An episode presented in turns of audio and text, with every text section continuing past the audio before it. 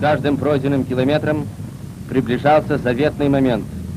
Приближалась граница Германии, нашей части на подступах к Познани.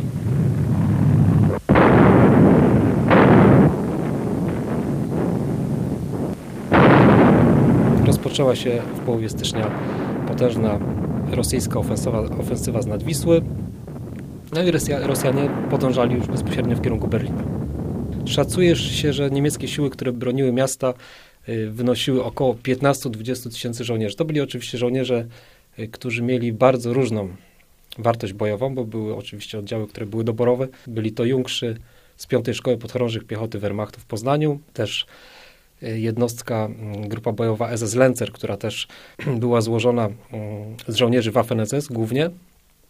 To była też taka y, doborowa jednostka, ale było też dużo, y, no dużo mniej bitnych żołnierzy. Y, Żołnierzy na przykład z obsługi lotnisk, którzy byli na prędce gdzieś tam wcielani do poszczególnych oddziałów. Poznań był ważnym punktem strategicznym, bezpośrednio na drodze do Berlina, więc po prostu no, ze strategicznego punktu widzenia no, trzeba było go bronić. Poznań! Ostatnia reduta niemieckiego oporu w Wielkopolsce. I Rosjanie dotarli do Poznania y, po południu 22 stycznia 1945 roku. No i w zasadzie już, że tak powiem, pierwszego dnia próbowali y, zdobyć Poznań z marszu. To się nie udało. Śródmieście miasta zamienione w kupę ruin. Tu Niemiec bronił każdego domu. Strzelał z zawęgła każdej ulicy. Z daleka, ze Swarzędza, jak ja widziałem Poznań, to była jedna una. Myślałem, że nie będzie tutaj nic, że wszystko będzie spalone. Ja to widziałem wszystko jak na obrazku i rannych też coraz więcej przybywało. Na początku Rosjanie y, od strony Swarzędza uderzyli na Poznań. Tutaj akurat Niemcy byli dosyć dobrze przygotowani, mieli tam dobre oddziały. Ta y, linia obrony była jakoś tam przygotowana, wykopane transzeje, y, pobudowane umocnienia, no i po prostu Rosjanie odbili się od tej obrony, dlatego zdecydowali, że obejdą Poznań od południa i od północy, sforsowali Wartę y, i po prostu no, uderzyli z innego kierunku. I taki tak naprawdę decydujący był ten moment, kiedy oni sforsowali mm, Wartę pod Czapurami między innymi, no i uderzyli na Poznań od y, południa.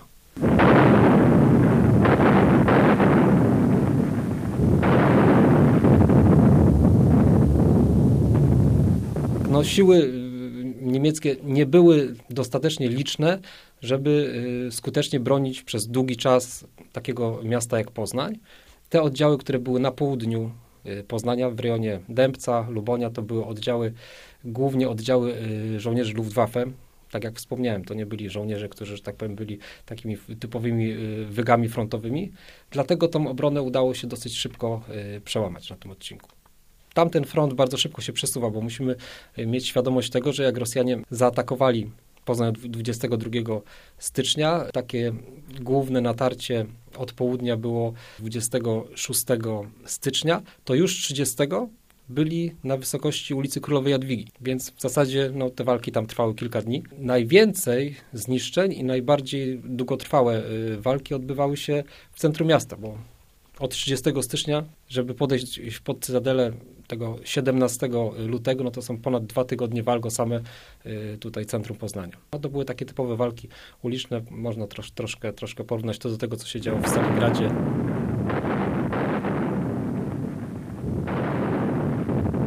Polacy y, tak bardzo, bardzo tutaj y, licznie i chętnie y, pomagali czerwonoarmistom z racji tego, no, znali miasto, więc byli dobrymi przewodnikami. W dniu 2 lutego zakwaterował się sztab radziecki w gmachu, w którym mieszkałem przy Wałwazów 3A. Dowódcą sztabu był pułkownik Swedowicz. Pułkownik Swedowicz był wysoki, tęgi, około lat 50. Kiedy mnie się pytał, kto ja jestem, powiedziałem, że jestem podoficerem, rezerwistą trzeciego pułku lotniczego. Specjalne wyszkolenie jako radiotelegrafista posiadałem. Prosił, bym starał się jak najpilniej być przy jego boku. Kiedy zasiadywałem przy stole w pokoju pułkownika Swedowicza, wyciąga pułkownik Swedowicz z teczki mapę Poznania i ja w tym się wtrącam. i powiadam, panie pułkowniku, czy by nie było dobrze obkolić cytadelę nie tylko z frontu, ale również i od tyłu, to znaczy od strony północno-zachodniej. I wskazuje mu na mapie, jakimi drogami bocznymi mógłby się dostać od strony północno-zachodniej. Pułkownik Swedowicz bardzo tym ucieszony, wyciąga papierośnicę, częstuje mnie papierosem, no i powiada, wyście są żołnierzem, znacie dobrze Poznań, to jakbyście radzili, z jakimi ulicami tam najlepiej się wydostać, bo od zachodu jeszcze straszne y, idą ształy armatnie w kierunku Teatru Wielkiego. Więc nakreśliłem na mapce pułkownikowi Swedowiczowi ulicę Dąbrowskiego, ulicę Kościelną, nad Wierzbakiem do ulicy Szydłowskiej, która zakończa się przy Sosie Obornickiej. Tam stąd w ten czas jest dokładne pole widzenia od strony północno-zachodniej. Za parę dni pułkownik Swedowicz do mnie przyjeżdża, uściskał mnie i serdecznie dziękował na oczach ludzi zebranych za cenną współpracę, za informację ofiarną pracę żołnierską. W momencie, kiedy rozpoczynają się walki o Cytadelę i stany osobowe dywizji Armii Czerwonej, które rozpoczynęły walki, nie były wcale wysokie, w, w toku walk, y, co oczywiste, e, spadały. W związku z tym jednym z pomysłów, żeby te luki uzupełnić, było właśnie ogłoszenie mobilizacji wśród polskich mieszkańców miasta, która przez wiele lat pojawiała się hasło jako y, absolutnie dobrowolnego zaciągu y, poznaniaków rządnych tak rozprawy z, y, z okupantem. Natomiast analiza coraz to nowszych relacji, które gdzieś tam z ukrycia są wydobywane, wskazuje na to, że zdecydowana większość została siłą bądź podstępem w te szeregi cytadelowców zaciągnięta. Udałem się z szeregiem innych poznaniaków na ulicę Kwiatową, gdzie zostałem zmobilizowany. Powstały tam polskie kompanie, polskie plutony. Ja wszedłem do plutonu 12 kompanii drugiej jako zastępca dowódcy plutonu. Dowódcą plutonu został poznaniak Fischer Felix. Skład plutonu wynosił 42 ludzi. Po zarejestrowaniu się po przemówieniach oficera radzieckiego i komendanta milicji obywatelskiej z komisariatu przy ulicy po odśpiewaniu roty jeszcze Polska nie zginęła, pierwsza kompania wyruszyła już od razu po otrzymaniu broni, amunicji i żywności na Cytadelę. Poszliśmy wszyscy. Z ulicy Śniadeckiej pamiętam kolegę Waltera, który na miejscu zginął. Szedł ze mną powstaniec Wielkopolski, obywatel Stanisław Zbierski, który miał w ten czas jakieś przeszło 60 lat już z chęcią szedł, powiedział, chociaż już był staruszek i nie obowiązywało go, jednak do ostatniej chwili ten patriotyzm to wszystko mówiło mu, idę, idę z wami, pójdę, zobaczę, co będzie, może ta cząstka jeszcze mojej chęci coś pomoże w ostatecznym wyswobodzeniu. Walki y, o samą Cytadelę rozpoczęły się 18 lutego potężną nawałą artyleryjską, atakami lotnictwa. Następnie do akcji weszła y, piechota i czołgi. No i rozpoczął się generalny szturm. Walki o tak zwany stok cmentarny. Niemcy chronieni są strzelnicami i grubymi murami umocnień stanowią trudny cel. Mają dalszą przewagę nad nami w tym, że ich punkty ogniowe są doskonale, doskonale wszczelane w nasze pozycje. Nie żałują broni maszynowej. Jesteśmy w gorszej od nich sytuacji, gdyż nie mamy ochrony, jaką stanowią ściany bunkrów. Leżymy na odkrytej zupełnie pozycji. Całą naszą osłoną to bryły cegieł czy betonu i leje po pociskach. Dopóki Niemcy zajmowali jeszcze te, te pozycje na stoku cmentarnym, dopóki udawało im się to przedpole jeszcze kontrolować w miarę, no to powiedzmy, że Rosjanie mieli i Polacy y, mieli bardzo utrudnione y, podejście do, y, do samego fortu.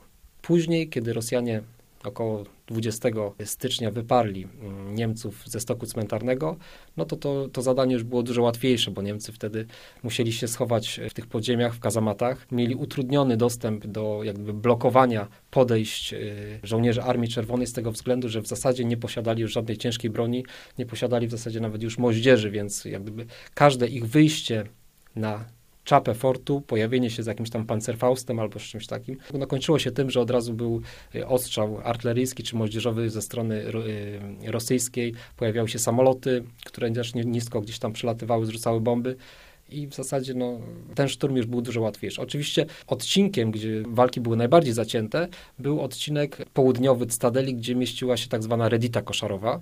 Piekło rozpoczyna się, gdy po radzieckim przygotowaniu e, artyleryjskim próbujemy dwukrotnie atakiem czołowym zmienić nasze niewygodne pozycje. Niestety pod wściekłym ogniem broni maszynowej i pancerfaustów nieprzyjaciela musimy zalec i wycofać się na poprzednie swe pozycje. Mamy kilku zabitych i rannych. W nocy z 22 na 23 lutego w sztabie generała Gonela, ostatniego komendanta Festung Posen, doszło do narady. Podczas tego spotkania y, główny lekarz twierdzy stwierdził, że po prostu wszystkie kazamaty Cytadeli y, w dużej mierze zajęte są przez rannych.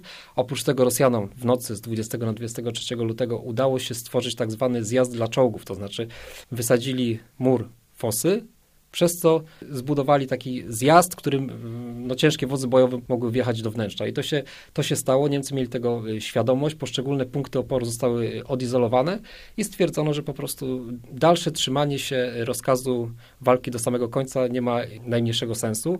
Były dwie osoby, które się temu sprzeciwiały. Był to dowódca grupy bojowej y, Sturmbannführer Lenzer oraz ostatni szef poznańskiego gestapo dr Rudolf Lange. Oni mieli swoje powody, byli SS-manami. Generał Gonel jednak y, dał się przekonać, że ta obrona nie ma sensu i zwolnił swoich żołnierzy z przysięgi.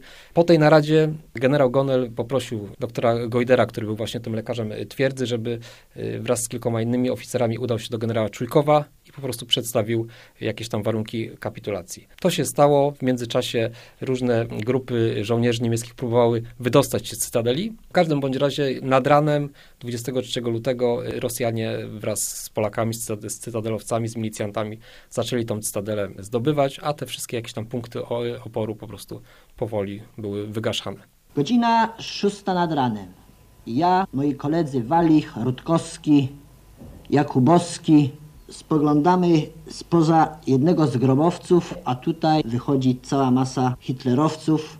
Walich mówi, na pewno już koniec. Zbliżamy się bliżej do mostu. Z jednej strony wchodzimy my na cytadelę, a z drugiej strony dołem poprzez wyrwy we fosach wychodzą hitlerowcy. W ten czas jakby na odgłos trąbki wpadło dwóch poznaniaków z jednym żołnierzem radzieckim do góry na fosę cytadeli i zatyka radziecki biało-czerwony sztandar na znak zwycięstwa, że Poznań jest wolny. W tej chwili nigdy nie zapomnę i zostanie na zawsze w wspomnieniu. Po kapitulacji y, wszystkich żołnierzy niemieckich, którzy się poddali, również tych, którzy byli ranni, ale mogli wyjść o własnych siłach, po prostu wyprowadzono z twierdzy.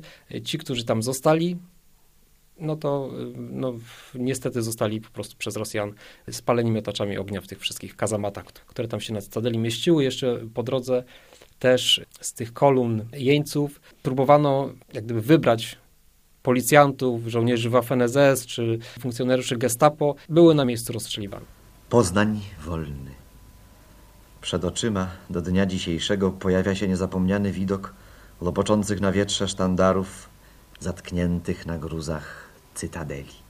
55% budynków w granicach Poznania uległo uszkodzeniu. W samym centrum Poznania ten odsetek wynosił już 90%. Tak? Mam na myśli stary rynek i bezpośrednie okolice, gdzie rzeczywiście te walki były najcięższe, jak ktoś jest czujny, tak na przykład jak ja, i chodzi ulicami Poznania, no to wychwytuje tutaj y, przy jakimś tam y, oknie, na przykład w starej kamienicy serię z karabinu maszynowego. Chociaż muszę powiedzieć, że no wiadomo, teraz wszystko idzie do przodu, wszystko się rozwija i w ostatnich 10 latach naprawdę tych śladów jest coraz, coraz mniej.